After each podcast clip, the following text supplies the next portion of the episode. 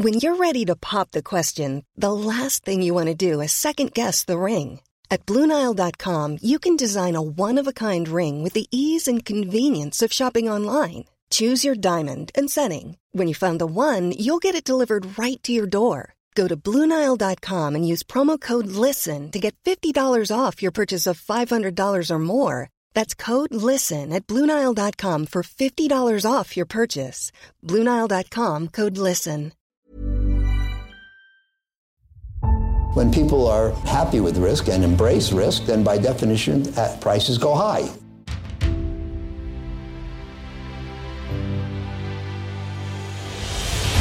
When the cycle turns down, they generally sell at prices that are far too low. This is not about getting more information. We live in a world where we have too much data. I'm uh, happy to report another stable quarter. Hallå och välkomna tillbaka till Aktiesnack. Det här är en podd som görs av och i samarbete med Kalkyl. Och förra veckan drog vi lite ESG-case. Så för att balansera det så ska alla ESG-hatare få en genomgång av ett polskt kolbolag som jag har investerat i. Det är det tredje och sista bolaget som jag har investerat i för att tjäna på den här europeiska energikrisen. Men eh, vad ska du prata om Peter? Jag ska gå igenom Sea Limiteds rapport och även prata om SmartEye. Det är också två bolag som jag har i min egen portfölj.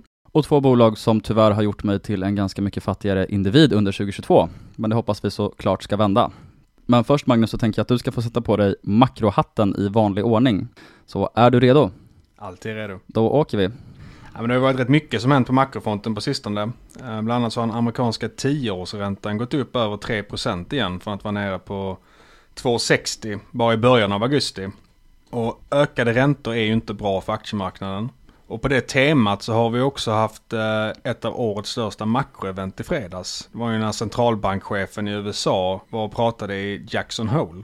Och jag lyssnade på talet och tyckte att det var väldigt koncist och tydligt. Och eh, det var inte åt det positiva hållet. Man sa att man är beredd att marknaden ska uppleva pain, som han uttryckte det, för att bekämpa inflationen.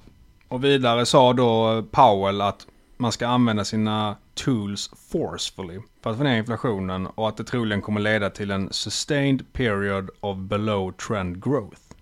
Så de som hoppades på att Fed inom en snar framtid ska svänga och sänka räntan fick nog tänka om och börsen svarar också med en nedgång på nästan 4% i fredags i USA. Så att det var ju inte någonting som var positivt för marknaden och jag tycker ändå är man intresserad av den här typen av information så var det ett ganska lättlyssnat tal som bara var åtta minuter. Så det kan vara värt att lyssna in på det om man vill det. Och varför är det dåligt med stigande räntor för aktiemarknaden? Det är egentligen en eh, tvåeggad eh, dålighet. Dels så blir ju räntekostnaden högre för bolag så det är svårare att låna pengar och därigenom växa sin verksamhet. Och sen blir också alternativkostnaden högre för att ha pengar i aktier. Om du kan få 4% i ränta på banken.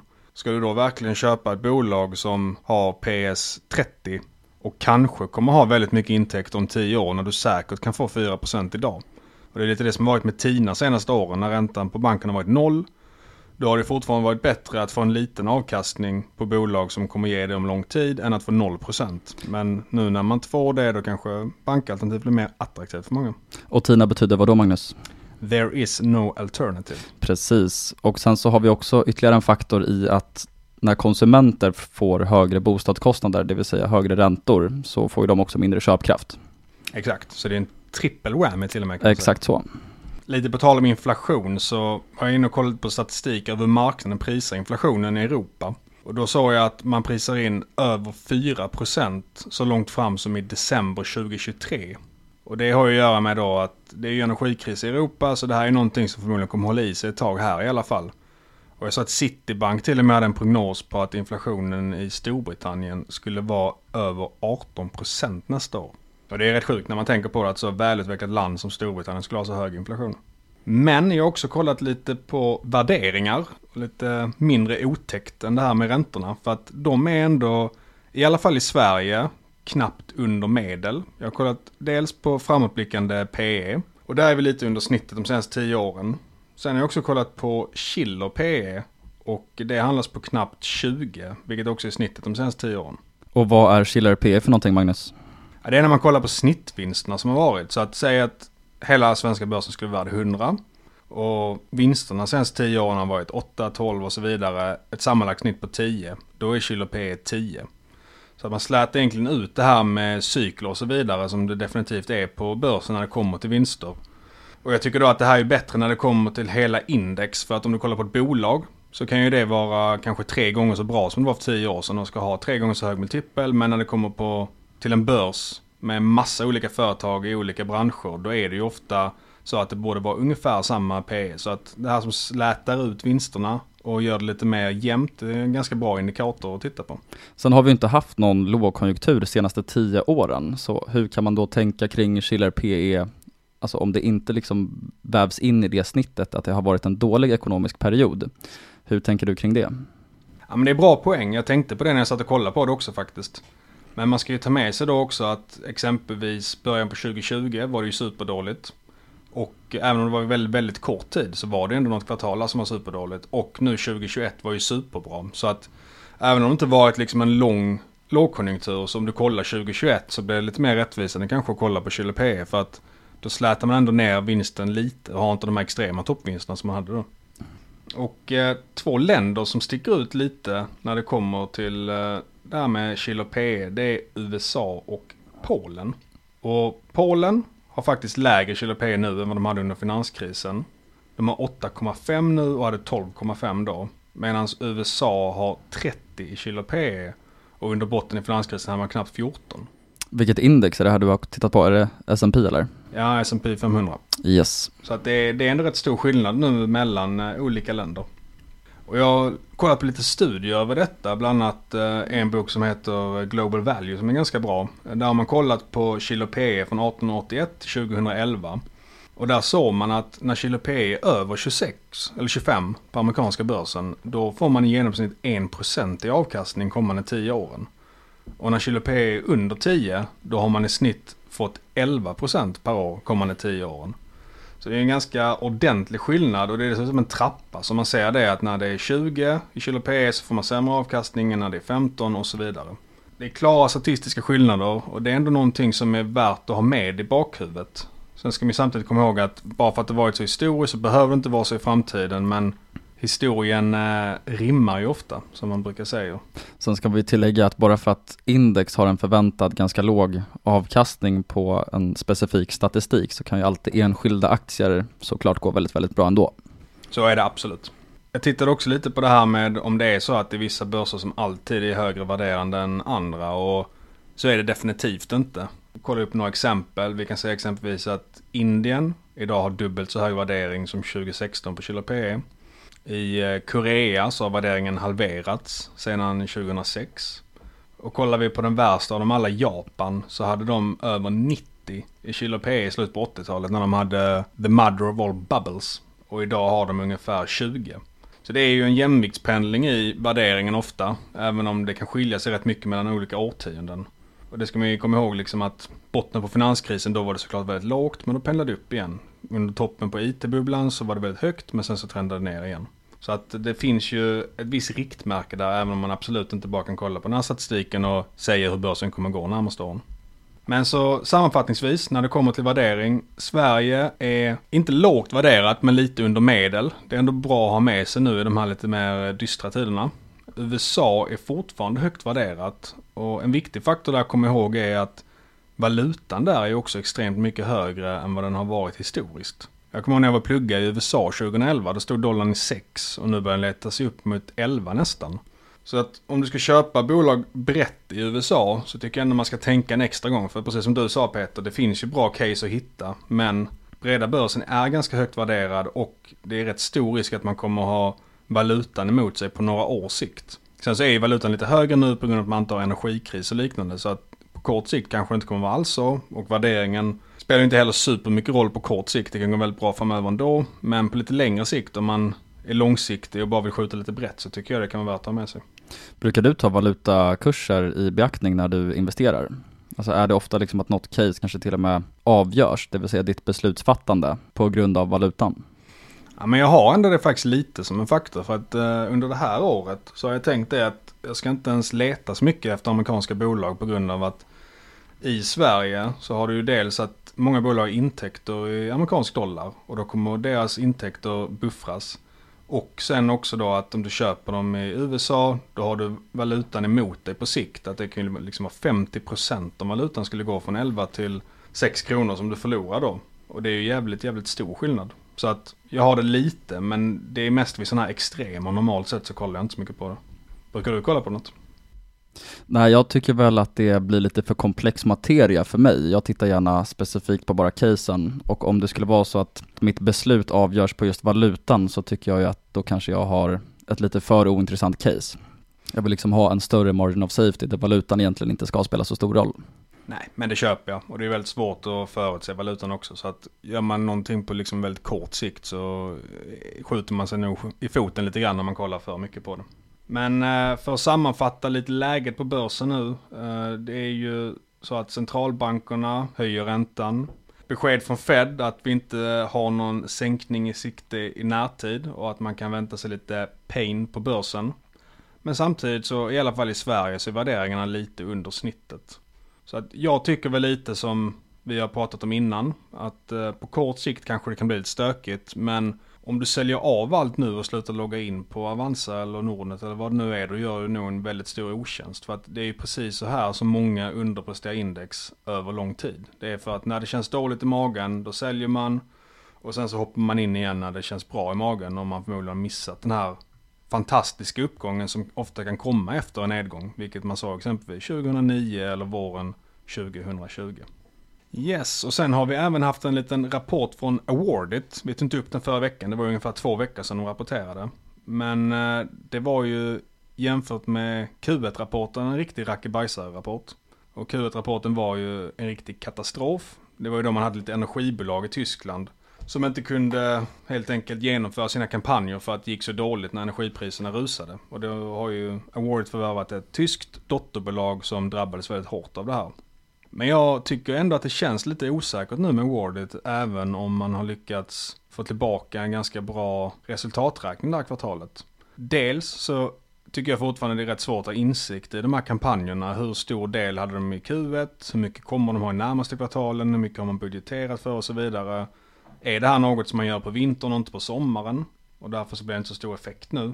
Och sen även en grej som när jag lyssnade på Confcall, det var att eh, kassaflödet från löpande verksamheten har varit sämre än ebita, både Q1 i år, Q2 och 2021. Och det behöver inte betyda så mycket. Det kan ju vara att man bara byggt upp lite lageruppbyggnad, det kan vara förändringar i working capital och så vidare. Men man fick en fråga om det här på konfkalet när CFOn var med. Och hon kunde inte svara på varför det här hände. De sa helt enkelt vi får ta och återkomma om det.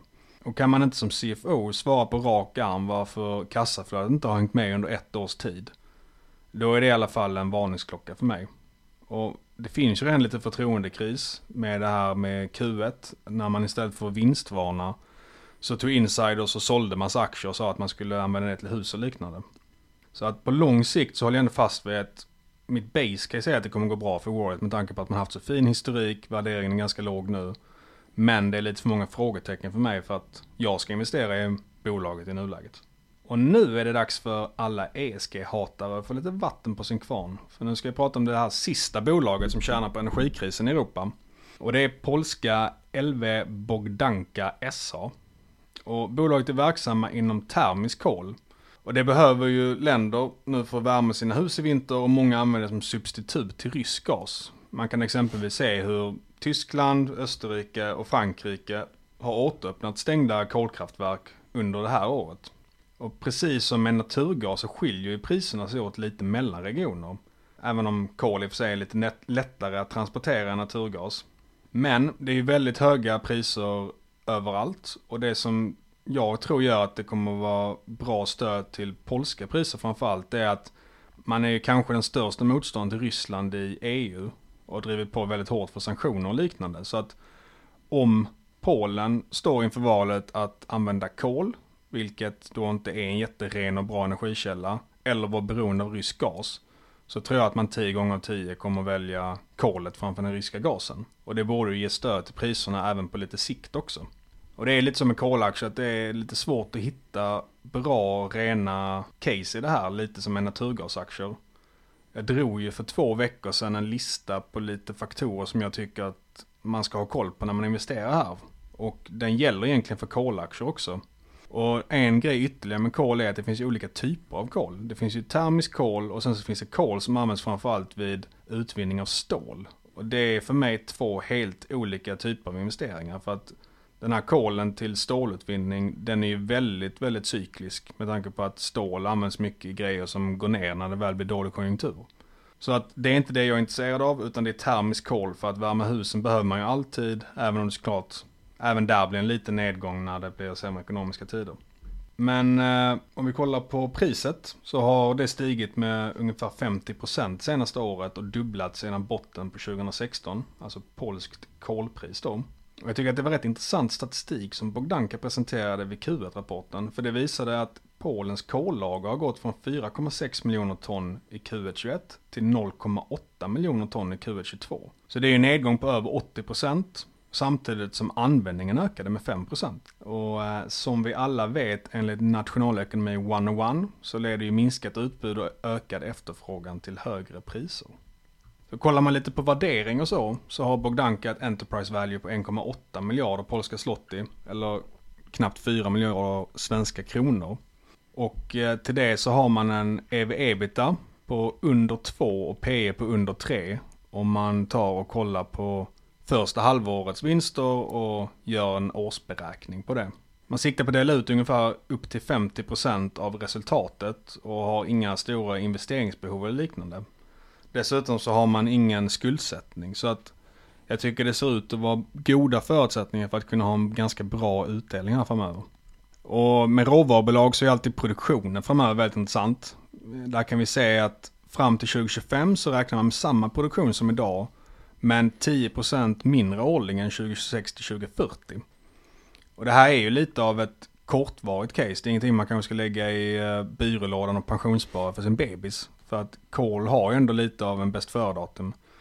Så jag räknar inte på några intäkter efter 2040 i min estimat, men det behöver man ju verkligen inte heller för att räkna hem det här caset. Sen tycker jag också det kan vara värt att nämna det, att jag tycker att Serica är den bästa naturgasaktien jag hittade, Arise den bästa inom förnybar energi med kol så är det ändå lite mer svårt och jag är inte lika övertygad om att eh, Bogdanka är den bästa investeringen.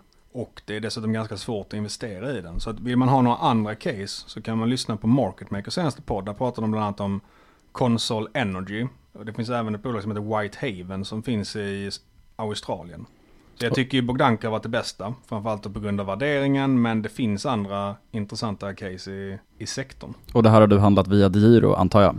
Exakt. Yes. Och man kan ju också ringa in till Avanza och handla. Vilket är väldigt trevligt. Det är det definitivt.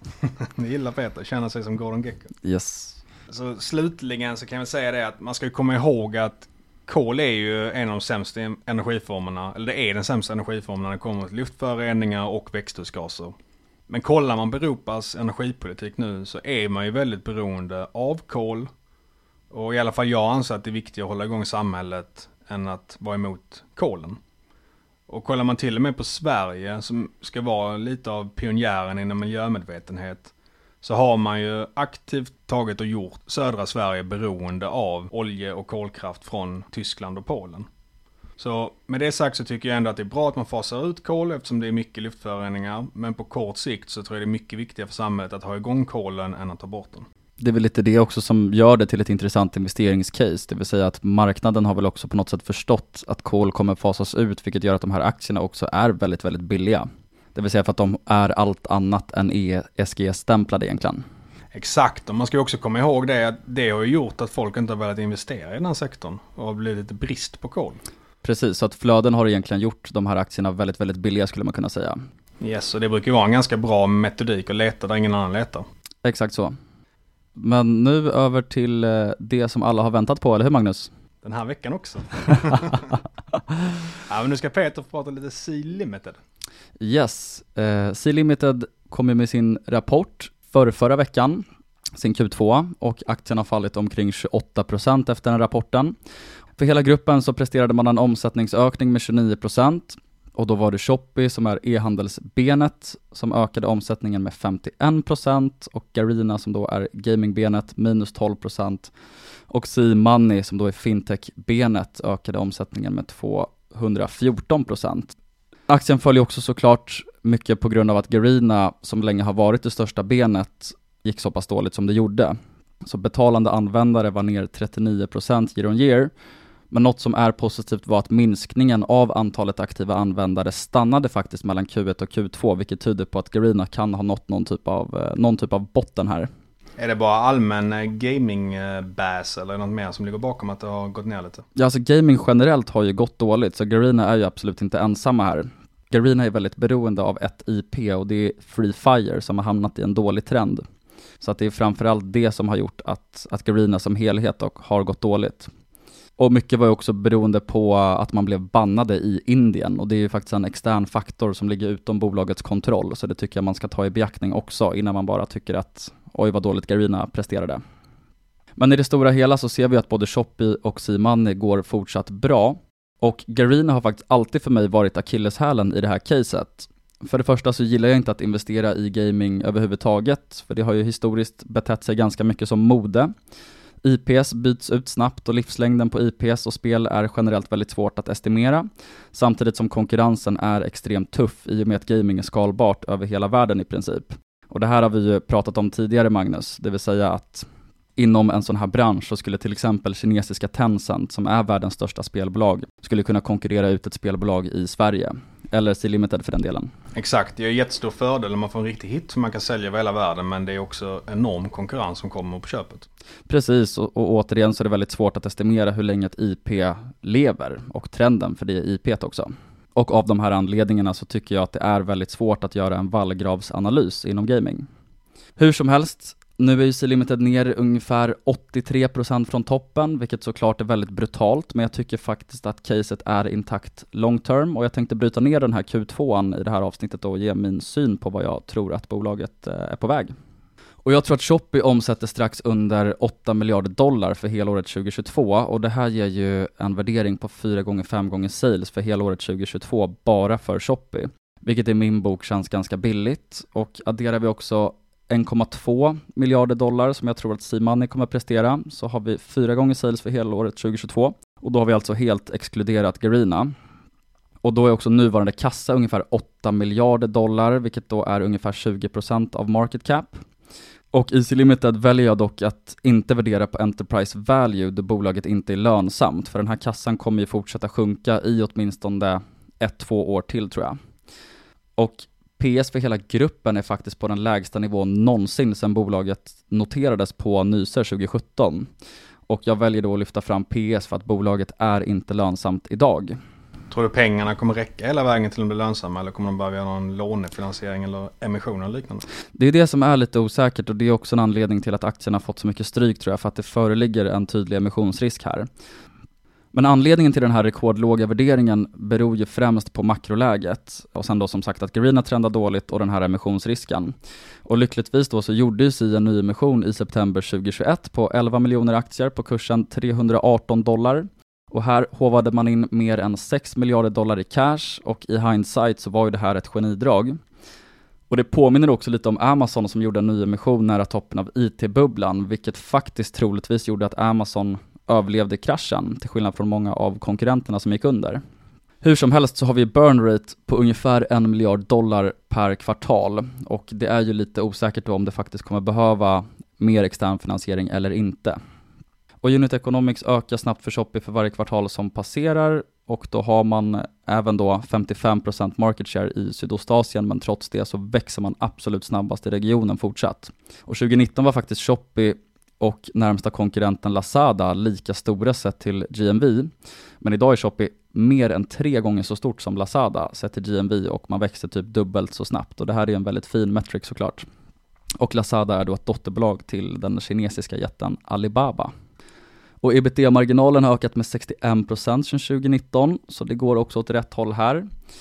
Och ebitda loss per order förbättrades med 21% year on year i kvartalet och i Sydostasien och Taiwan.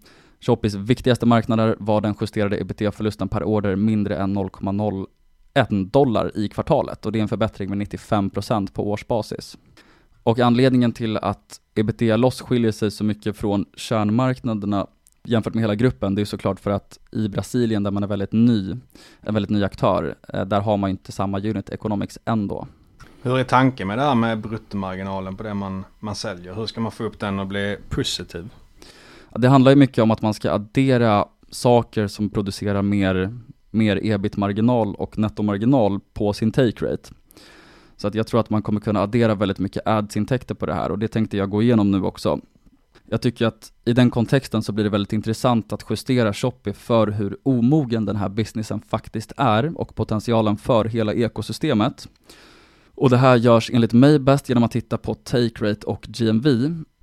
Mercado Libre har till exempel bedrivit e-handel i 23 år jämfört med C-Limited som har gjort det i 7 år. Och därför är det också rimligt att Melly får ut betydligt mycket mer av sin GMV. Ungefär hälften av Mellys omsättning kommer till exempel idag från fintech som har starkare marginaler än e-handel.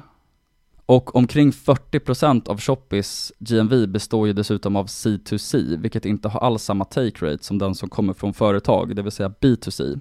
Och andelen C2C minskar också snabbt till förmån för B2C, vilket såklart är bra. Men det här är en stor anledning till att Shopee har mycket lägre take rate. Och jag tror att Shopee kommer göra ungefär 80 miljarder dollar i GMV för helåret och det här ger då en GMV-multipel på 0,5 för 2022. Och Melly kommer göra ungefär 35 miljarder dollar i GMV för 2022 och det ger en GMV-multipel på 1,3. Så att sett till GMV så värderas ju Melly mer än dubbelt så, så högt då. Och då tänker ju säkert många att man såklart inte kan värdera ett bolag på GMV och det håller jag med om, men det jag ska komma fram till det är att det säger en del om optionaliteten för hela ekosystemet och mognadsgraden när det kommer till monetarisering. Så Melly har idag ungefär dubbelt så hög take rate som Shopee. Men de har ju kommit mycket längre i den här resan att addera vertikaler såsom fintech och ads. Och det här är också trots att Shopee faktiskt har högre market share än vad Melly har på sina huvudmarknader och normalt så brukar ju faktiskt take rate avgöras mycket på marknadsandel, det vill säga hur stor man är och även hur stor man är i förhållande till sina konkurrenter. Och vad är take rate och GMV? GMV är egentligen måttet på allt som säljs på plattformen.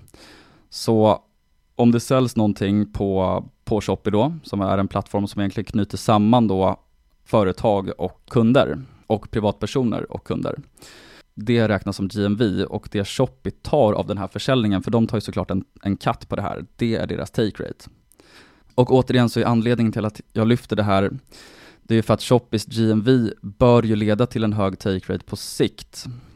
Och sen så är det här också någon typ av indikation för optionaliteten för till exempel då ads, det vill säga har man väldigt, väldigt mycket GMV så blir det någon typ av tam för hur stor ads-verksamhet man kan bygga in-house.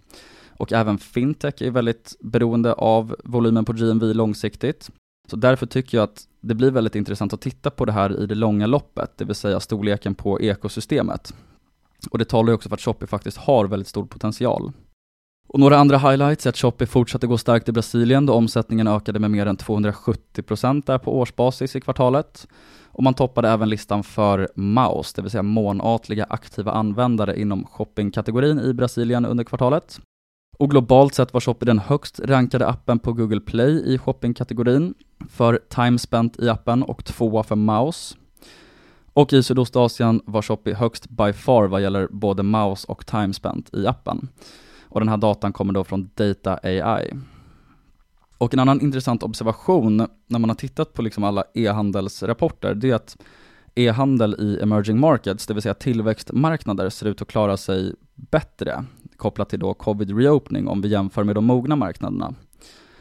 Både Amazon och Shopify rapporterade den sämsta tillväxten någonsin och kinesiska Alibaba rapporterade för första gången någonsin negativ tillväxt för deras inhemska e-handelsverksamhet. Detta då trots att Kina faktiskt fortfarande har aktiva covid-lockdowns. Samtidigt så nådde ju både Mercado Libre och Shopee tillväxttal som nästan matchar vissa kvartal innan covid. Och när man tänker efter så är den här skillnaden väldigt rimlig eftersom ökningen av e-handelspenetrationen under pandemin drevs av två olika typer av konsumenter. Och den första och uppenbara var ju konsumenten som traditionellt skulle föredra att köpa offline men som tvingades att köpa online på grund av covid-restriktioner. Och den andra konsumenttypen som bidrog till ökad e-handel var ju den som var fullständigt ny inför e-handel. Och här tycker jag att det är rimligt att anta att den första konsumenttypen är mer övergående, medan den senare troligtvis är mer permanent till e-handel. Så givet de här siffrorna kan man anta att trenderna som covid var katalysator för, till exempel e-handel, är mer övergående i exempelvis USA, Europa och Kina, medan skiftet i Sydostasien och Latinamerika har varit av mer strukturell karaktär. Och det här grundar jag ju främst på att e-handelspenetrationen är så pass mycket lägre i Sydamerika och Sydostasien. Och med det som grund då så är det rimligt att anta att tillväxtekonomierna har flera konsumenter som precis då har blivit introducerade till e-handel och andra techlösningar för den delen. Så därför tror jag som sagt att de mest långsiktiga vinnarna av pandemin är ju techbolag på emerging markets. Vilken håller du som favorit nu av eh, Mercado Libre och Limited? Det är Mercado Libre just nu och det är också en större del av min portfölj. Jag äger ju båda de här bolagen för transparensens skull. Och det är egentligen för att det är ett mycket mindre risky play tycker jag. Och de, de har varit lönsamma i över ett decennium samtidigt som alla tillväxtmetrics ser superbra ut. Så att Mercado Libre givet den lägre finansiella risken, det finns ingen emissionsrisk som föreligger och så vidare, så, så, och de har redan bevisat sin lönsamhet, så tycker jag att det är ett bättre play just nu. Men ska man sammanfatta rapporten för C-Limited och hur, hur jag ser på bolaget idag så har ju helt klart risken i caset ökat. Och det är främst då på grund av att Garina som länge har varit kassakon som finansierat resten av verksamheten går knackigt, vilket då har ökat risken kopplat till balansräkningen. Men caset för Shopee och C-Money är enligt mig helt intakt och det är också mycket tack vare att man faktiskt har en stor kassa. Och Shopee växer alltså med över 50% trots makroläget och covid reopening samtidigt som marginalen har blivit avsevärt bättre. Och då ska man komma ihåg att Shopee växte med 162% samma kvartal förra året, så det, så det här är verkligen ett monster. Och Shopee blir ju också en mycket större del av totalen i koncernen, vilket enligt mig också gradvis minskar risken. Och Simani växte, som jag nämnde tidigare, med 214% och utgör ju också nu 10% av totalen, så att det börjar också få impact. Så i det stora hela tycker jag att caset känns riktigt spännande från de här rekordlåga multiplarna. Intressant, och nu ska du prata lite ögon i bilar också. Precis, jag tänker att du kan delta lite här i och med att det är ett case som jag vet att du också har tittat på. Absolut. Ja, SmartEye är ett annat bolag som jag också har i portföljen och de har också redovisat sin Q2. Och i och med att vi inte har pratat om bolaget tidigare i podden så tänker jag att jag kan börja med att förklara vad bolaget gör. SmartEye är ju en av de starkaste aktörerna på sin specifika mjukvara till fordonsindustrin, där lagstiftningar just nu sjösätts och därmed tvingar bilindustrin att börja adoptera den här mjukvaran. Och lagkraven för det här kickar stegvis in 2022 till 2025 och kommer leda till att SmartEyes omsättning kommer öka väldigt snabbt härifrån. Under 2021 producerades ungefär en halv miljon bilar med, med Driver Monitoring Systems, DMS som akronymen är för det.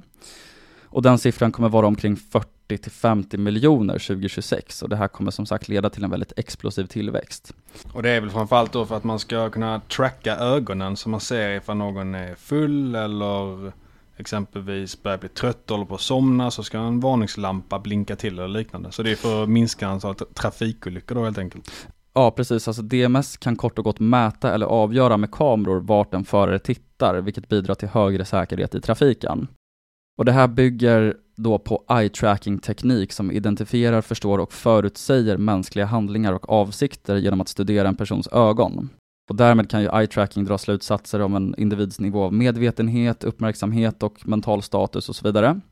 Och kort och gott då så bottnar caset i att det finns en tydlig kortsiktig inflektionspunkt i att tekniken nu ska börja implementeras i bilar och att SmartEye bör kunna knipa åtminstone 35% av marknaden 2026. Och det är då baserat på redan vunna och potentiella upphandlingar. Och idag har SmartEye vunnit ungefär 55% av alla design wins och en design win kan ju då ses som en fördröjd order eller upphandling. Så idag är man då tydlig marknadsledare inom den här nischen. Och förutom DMS så har ju Smarta andra spännande affärsområden såsom research-benet, där den här typen av teknik appliceras i olika former av forskning, där man vill mäta mänskligt beteende genom att studera ögonen, en eftermarknadslösning för DMS och dotterbolaget iMotion som hjälper företag som vill använda SmartEyes mjukvara för att få fler sensorer att kunna kommunicera med varandra. Sen har vi också Aviation där största konkurrenten Seeing Machines redan är ganska etablerade som också är väldigt spännande. Och det är ganska svårt, eller i alla fall betydligt svårare att räkna på de här andra benen, men det är också det säger ganska mycket om optionaliteten tycker jag, det vill säga att man kan använda samma teknikplattform på, på fler affärer helt enkelt. Det är väl lite det som är styrkan i case, att man, det är ju algoritmer som har då beräknat olika ögonrörelser, vad de betyder och så vidare och ansiktsrörelser också. Och det behövs ju väldigt mycket data för att den här datan ska bli tillförlitlig, att AI-algoritmen ska säga någonting som är värt att lyssna på. Och då behöver man ju ha haft väldigt lång tid i branschen, man behöver ha väldigt mycket data och det är ju egentligen bara Sig Machines och SmartEye som ligger i pole position då. Precis, det är de två absolut största aktörerna. Sen finns det några mindre uppstickare som också börjat vinna lite design wins. Men, men ja, det är ju Seeing Machine som är den konkurrenten som är värd att lyfta. Och om vi då bryter ner det här i lite siffror så tänker jag att om vi inkluderar omsättning från de här andra affärsområdena som jag tror kommer kunna generera i alla fall 200-300 miljoner år 2026 så tror jag att en ebit, ganska konservativt räknat, landar på lite över en halv miljard 2026. Alltså för hela gruppen. Och tar vi en exit-multipel på 10 gånger ebit på det här så får vi en potentiell uppsida på ungefär 230% från nuvarande kurs och det är då för de kommande fyra åren. Så jag tänker att man kan faktiskt räkna med en ganska hygglig margin of safety här och ändå få en ganska fin potentiell kagger going forward. För att den här servetten bygger egentligen på att Smarteye då har 35% market share 2026. Och idag har man, tror jag, om man volymviktar kontrakten, ungefär 65% av marknaden. Så att det här är verkligen konservativt räknat. Så att vi kan i princip räkna med att SmartEye halverar sin marknadsandel till 2026 och ändå tycker jag att man kan få ihop servetten. Så att det, det får ändå ses som någon typ av eh, hygglig margin of safety som sagt. Det är ganska intressant också för det kan ju bli en helt enorm ebit-marginal på det här bolaget. För att man har ju utvecklat tekniken under väldigt lång tid, tagit kostnaderna och sen kommer det säljas i bilar och det blir ingen extra kostnad för SmartEye då. Så säger jag att 70 miljoner bilar skulle säljas med den tekniken. Då har ju SmartEye tagit kostnaden för att utveckla den algoritmen tidigare och nu får man intäkterna. Så att det är lite det som är kittlande i caset också tycker jag. Precis så, och där har ju SmartEye själva sagt att de har en bruttomarginal på DMSen, alltså det som kommer vara det största benet, på 100%. Så att ebit-marginalen på sikt bör ju kunna bli väldigt, väldigt fin på det här. Och det beror ju på lite hur mycket man också väljer, för just nu har vi, den största delen av OPEX är ju R&D och det beror ju på lite hur, hur mycket man väljer att investera i framtiden. Jag gillar åtminstone att de faktiskt lägger ganska mycket pengar på R&D, att man faktiskt har en mer långsiktig vision än att maximera ebit om tre år. Vad tycker du är de största riskerna för caset nu då? Alltså som jag ser det så finns det två större risker som är värda att lyfta. Och den första det är tajmingen och det grundas i att det skulle kunna bli förskjutningar. Vi har ju till exempel halvledarbrist i världen, vilket då såklart påverkar bilindustrin. Jag känner mig liksom trygg i vad som ska hända, men tajmingen är svårare att estimera. Samtidigt så finns det liksom ingen anledning att inte införa de här lagkraven, så att det är inte där jag tror att, eh, att det är svårt att estimera timing. Utan det handlar ju främst då om eh, bilmodeller skulle skjutas fram, det vill säga då, då kommer ju SmartEyes cashflow också längre fram i tiden, vilket då gör caset mindre attraktivt såklart. Och den andra risken, det är ju konkurrensen. Att det är ganska svårt som lekman att veta exakt hur mycket teknik-edge SmartEye har. Och det är då framförallt då, om vi tittar på SmartEyes teknik mot, eh, mot Seeing Machines då, som är den närmsta konkurrenten, så är det väldigt svårt att titta på det och faktiskt veta om vem som har mest edge. Det är ju ett genomgående tema tycker jag när det kommer till teknikbolag. Det är ju väldigt svårt som lekman att förstå hur bra tekniken egentligen är jämfört med konkurrenter. Tar man andra grejer som exempelvis du ska följa ett, eh, ett datorspel liknande. Det är väldigt enkelt att själv spela det spelet och se hur bra det är. Eller om du vill köpa Dometics produkter och ta och klämma på dem. Men det är väldigt svårt att veta hur en sån här mjukvara i en bil är. Utan att egentligen vara med i ett research-team för. Precis, sen, sen tänker jag dock att så länge de når upp till en lägsta nivå som är egentligen obligatorisk så tycker jag att teknik, tekniken liksom har validerats tillräckligt mycket. För nu har ju faktiskt Smarta redan en miljon bilar på vägarna och den processen är ju väldigt komplex. För att det är väldigt, väldigt lång process tills att man, man då inleder diskussion för en upphandling, tills att man faktiskt har en bil på vägen. Så det är otroligt mycket som krävs där. Vilket då såklart är väldigt rimligt också i och med att det faktiskt handlar om folks liv i trafiken. Så jag tycker ändå att givet volymen man har på design wings, givet att man redan har en miljon bilar på vägen, så har man ju i alla fall tillräckligt bra teknik för det här. Nej, sant, det håller jag med om. Man har ju bevisat den ganska mycket redan. Precis så. Så att ska man summera caset så har vi hög strukturell tillväxt drivet av lagkrav som kommer göra bolagets produkt till standard inom industrin. Det är entreprenörlätt med högt skin in the game på typ 17% och grundaren är också VD. Det är höga inträdesbarriärer och höga switching costs och vi har ett duopol där Smarta just nu också är solklar ledare.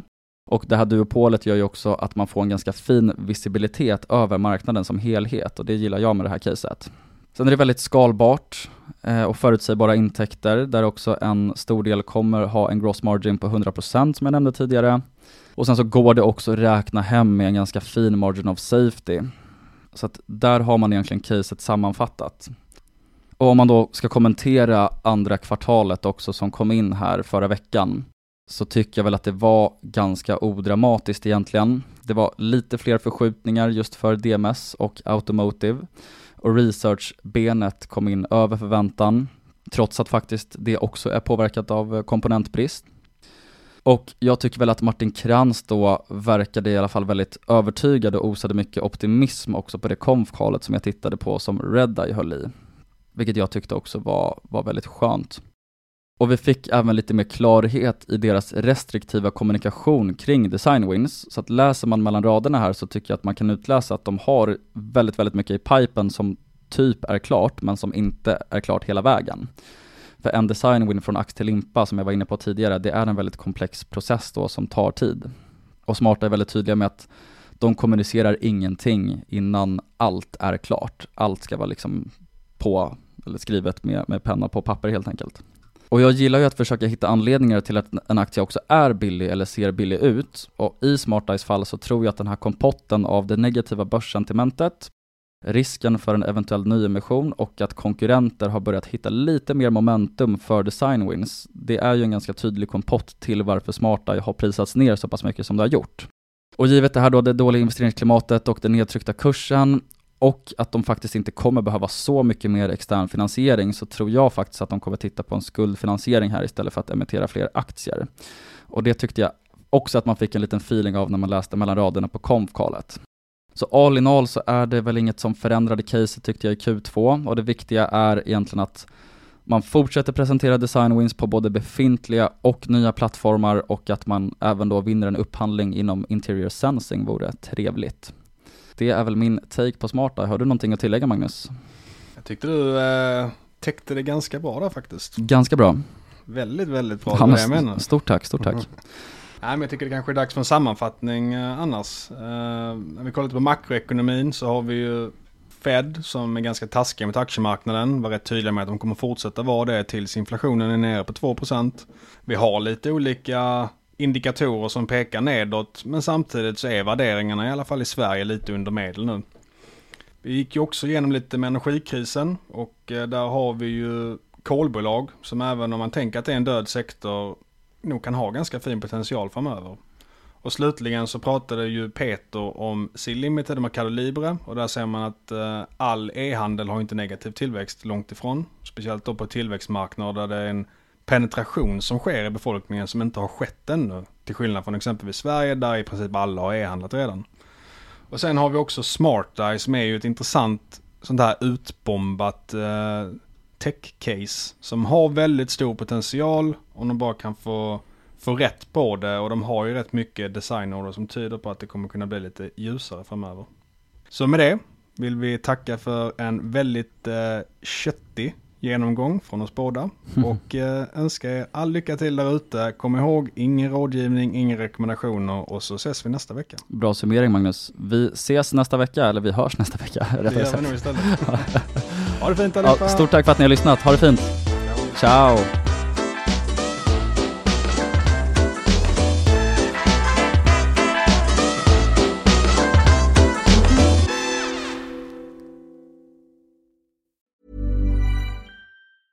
Mom deserves the best, and there's no better place to shop for Mother's Day than Whole Foods Market. They're your destination for unbeatable savings, from premium gifts to show-stopping flowers and irresistible desserts. Start by saving 33% with Prime on all body care and candles. Then get a 15-stem bunch of tulips for just $9.99 each with Prime. Round out Mom's menu with festive rosé, irresistible berry chantilly cake, and more special treats. Come celebrate Mother's Day at Whole Foods Market.